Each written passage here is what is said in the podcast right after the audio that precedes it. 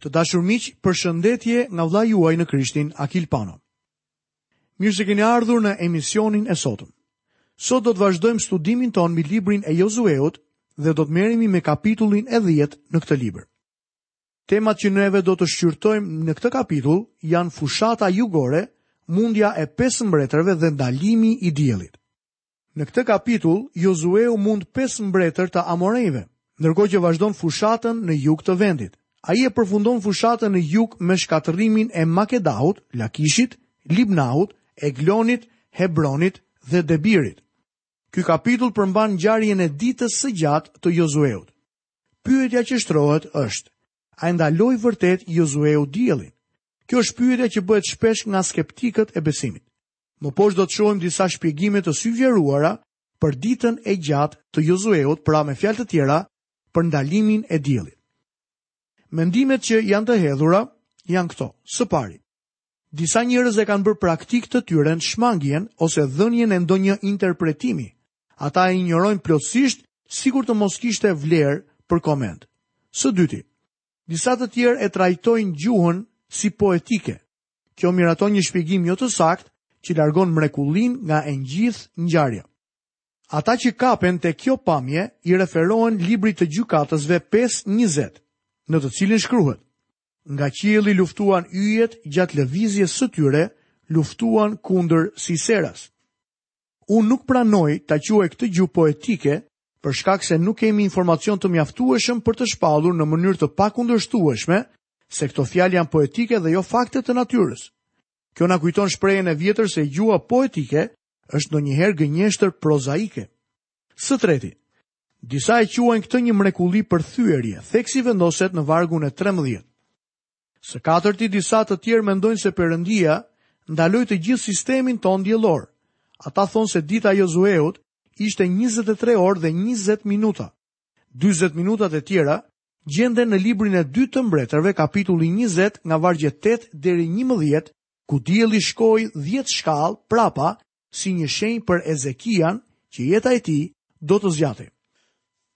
Disa të tjerë mendojnë se Zoti e errësoi diellin edhe pse ai vazhdonte të ndriçonte. Versioni i Berklit e përkthen atë në këtë mënyrë: O diell, prit në Gibeon. Një përkthim tjetër thotë: O diell, rri në heshtje. Jozueu kishte marshuar gjatë gjithë natës për rreth 60 kilometra. Ai e sulmoi armikun pas shpine dhe zbriti papritur mbi ta. Ishte muaji i korrikut dhe temperaturat ishin shumë të larta. Jozueu nuk donte më diell. Ai donte sa më pak diell që të ishte e mundur. Imagjinoni pak për 60 kilometra një udhëtim i gjatë dhe më pas një betejë nën rrezet përvëluese të diellit. Së gjashti shpjegimi më i mirë duket se është një kombinim i numrave 4 dhe 5. Jozueu kishte nevojë për më shumë dritë dhe për më pak nxehtësi. Perëndia e mbuloi diellin me një stuhi breshëri. Zoti ngadalësoi rrotullimin e tokës mbi Gabaonin. Dhe kjo gjë tregon që dielli ishte direkt mbi të dhe hëna po shkonte në luginën e Ajalonit. Gabaoni ka një gjerësi gjeografike 31 gradë dhe 51 minuta në drejtim të veriut. Kjo është një mrekulli. Sfondi i të gjitha veprimeve në këtë kapitull është marrëveshja që bëri Jozueu me Gabaonitët. Sigurisht që ai nuk duhet ta kishte bërë këtë marrëveshje, por meqenëse e bëri, u lidh me të. Lexojmë në kapitullin e dhjetë të Jozueut, vargun e parë, deri në vargun e katër. Kur Adoni Cedek, mbreti i Jeruzalemit, mësoi se Jozueu kishte pushtuar Ain dhe kishte vendosur shfarosjen e tij dhe kishte bërë në Ai dhe kundër mbretit të tij, po atë që kishte bërë në Jeriko, u frikësua shumë, sepse Gabaoni ishte një qytet i madh, si një qytet mbretëror dhe ishte më i madh se Ai. Tërë banorët e tij ishin trima,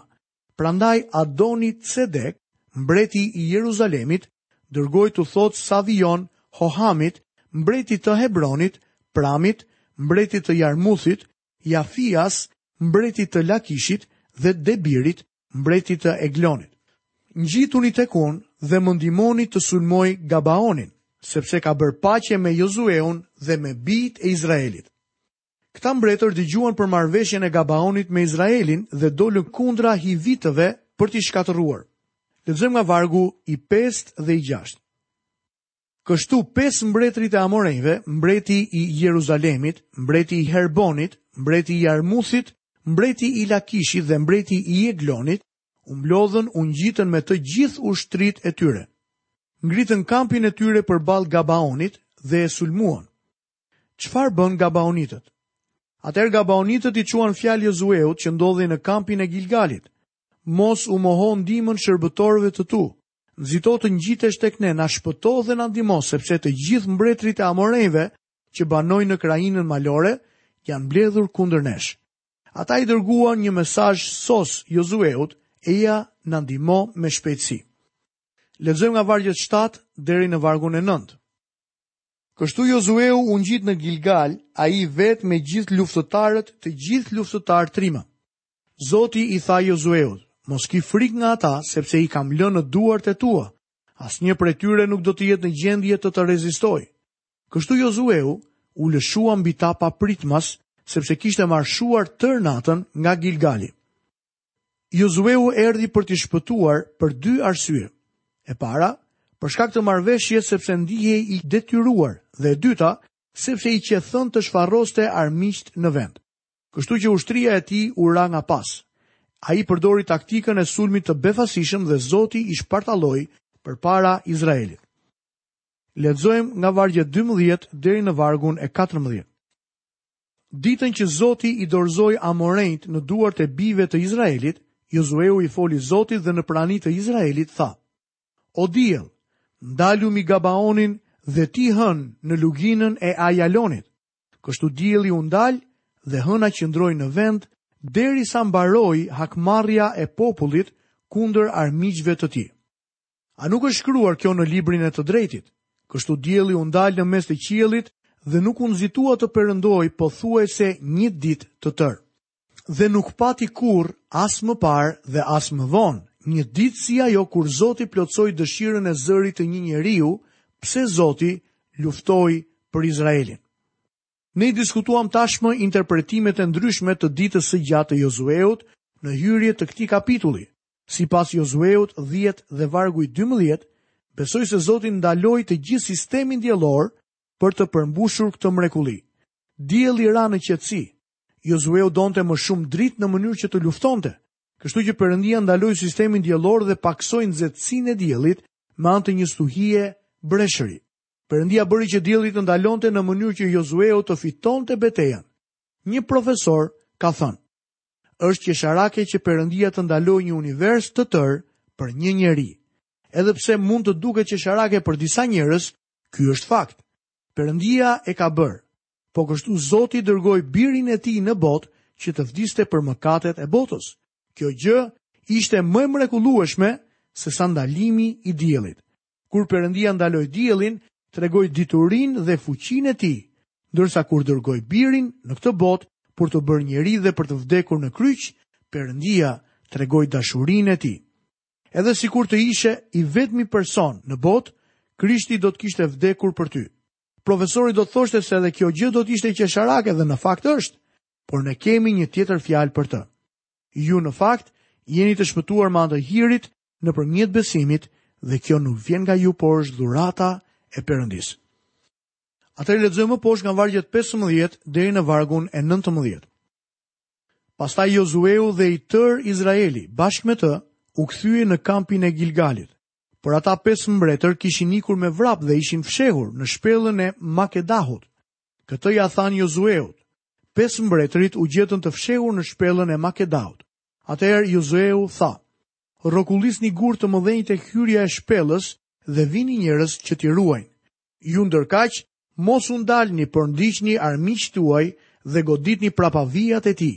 Mos i lejoni të hyjnë në qytetet e tyre, sepse Zoti, Perëndia juaj, i ka lënë në duart tuaja. Kini parasysh që këtyre mbretërve dhe njerëzve të tyre u ishin dhënë 420 vjet kohë për të ndarë mendjen nëse do të ktheheshin tek Zoti apo jo. Perëndia e kishte bërë të qartë që do t'ia jepte tokën Izraelit dhe që do të shpëtonte këdo që do të vinte tek ai.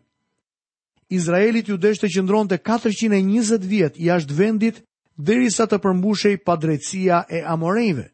Ajo kohë tashmë kishte ardhur. Perëndia bëri që bijtë e Izraelit të kalojnë përmes Detit të Kuq jo vetëm për hir të tyre, por edhe për të treguar shpengimin e tij nëpërmjet fuqisë. Natën e fundit në Egjipt, engjëlli i vdekjes hyri në çdo shtëpi ku shtalkat e dyerve nuk ishin të lyera me gjak. Kjo nuk ndodhi vetëm për të bindur egjiptasit se ekzistonte një perëndi i gjallë dhe i vërtetë në mes të të gjithë idhujve të Egjiptit, por edhe për të bindur këta njerëz në tokën e premtuar.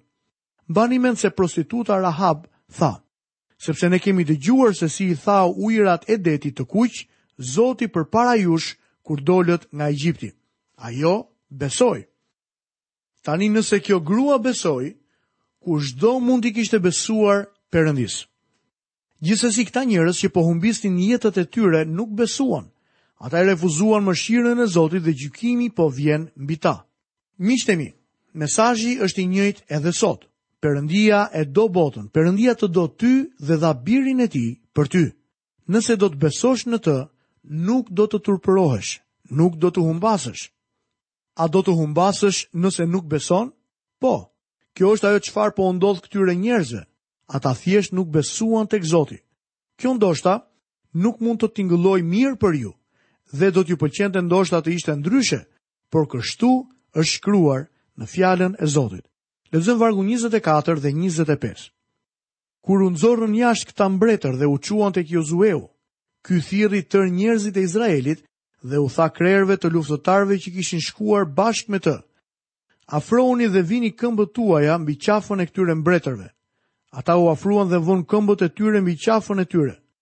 Pastaj Jozueu u tha, Mos kini frikë dhe mos u tmerroni, tregohuni të fortë dhe trima sepse kështu do të veprojë Zoti me të gjithë armiqtë tuaj kundër të cilëve duhet të luftoni.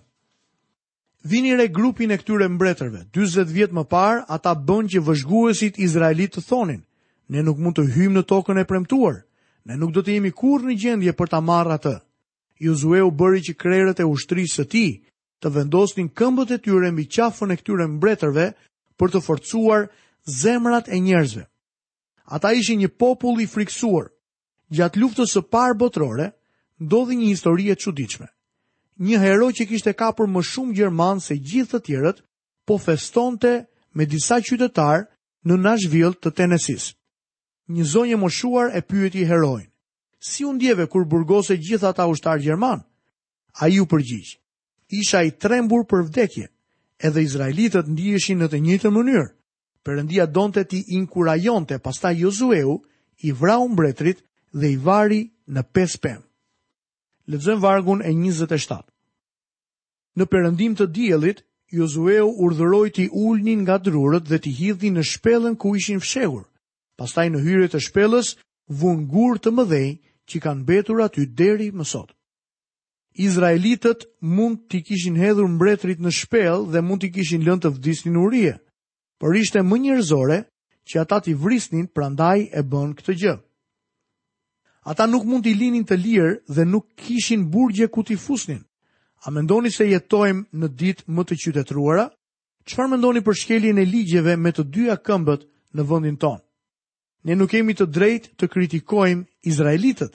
Ata nuk kishin shkelje ligjesh dhe e zgjidhën problemin e tyre në mënyrën e vetme se si mund të silleshin me një popull të lig dhe mëkatar.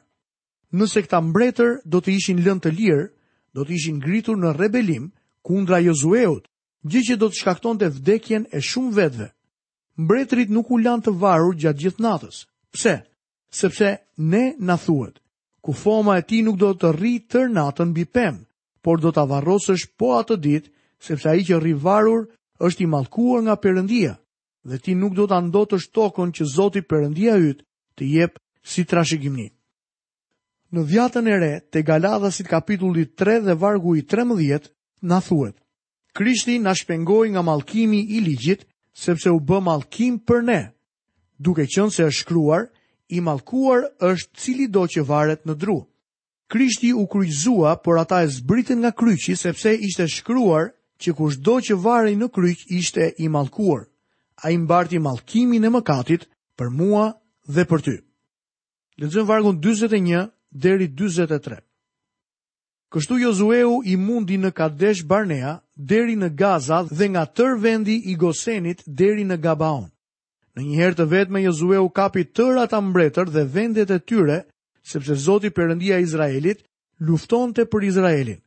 Pastaj Jozueu dhe tërë Izraeli bashkë me të u kthye në kampin e Gilgalit. Është e rëndësishme të vihet re se Perëndia i dha Izraelit fitoren dhe zotërimin e tokës. Sot fitorja jonë ndodhet në Krishtin. Jeta me fitore është jeta e tij e jetuar në ne. Të dashur miq, këtu kemi përfunduar studimin në kapitullin e 10 dhe së bashku do të fillojmë studimin tonë në kapitullin e 11 dhe të 12 të librit të Jozueut. Tema që do të shohim në këtë kapitull, kapitullin e 11 pra është fushata e veriut dhe lista e mbretërve të mundur. Kapitulli 11 përmban fushatën në veri dhe përfundimi i udhëheqjes të Jozueut në luftë. Lexojmë nga vargu i parë deri në vargun e 6. Kur Jabini, mbreti i Hatsorit, i mësoi këto ngjarje, u dërgoi lajmëtarë Jobabit, mbretit të Madonit,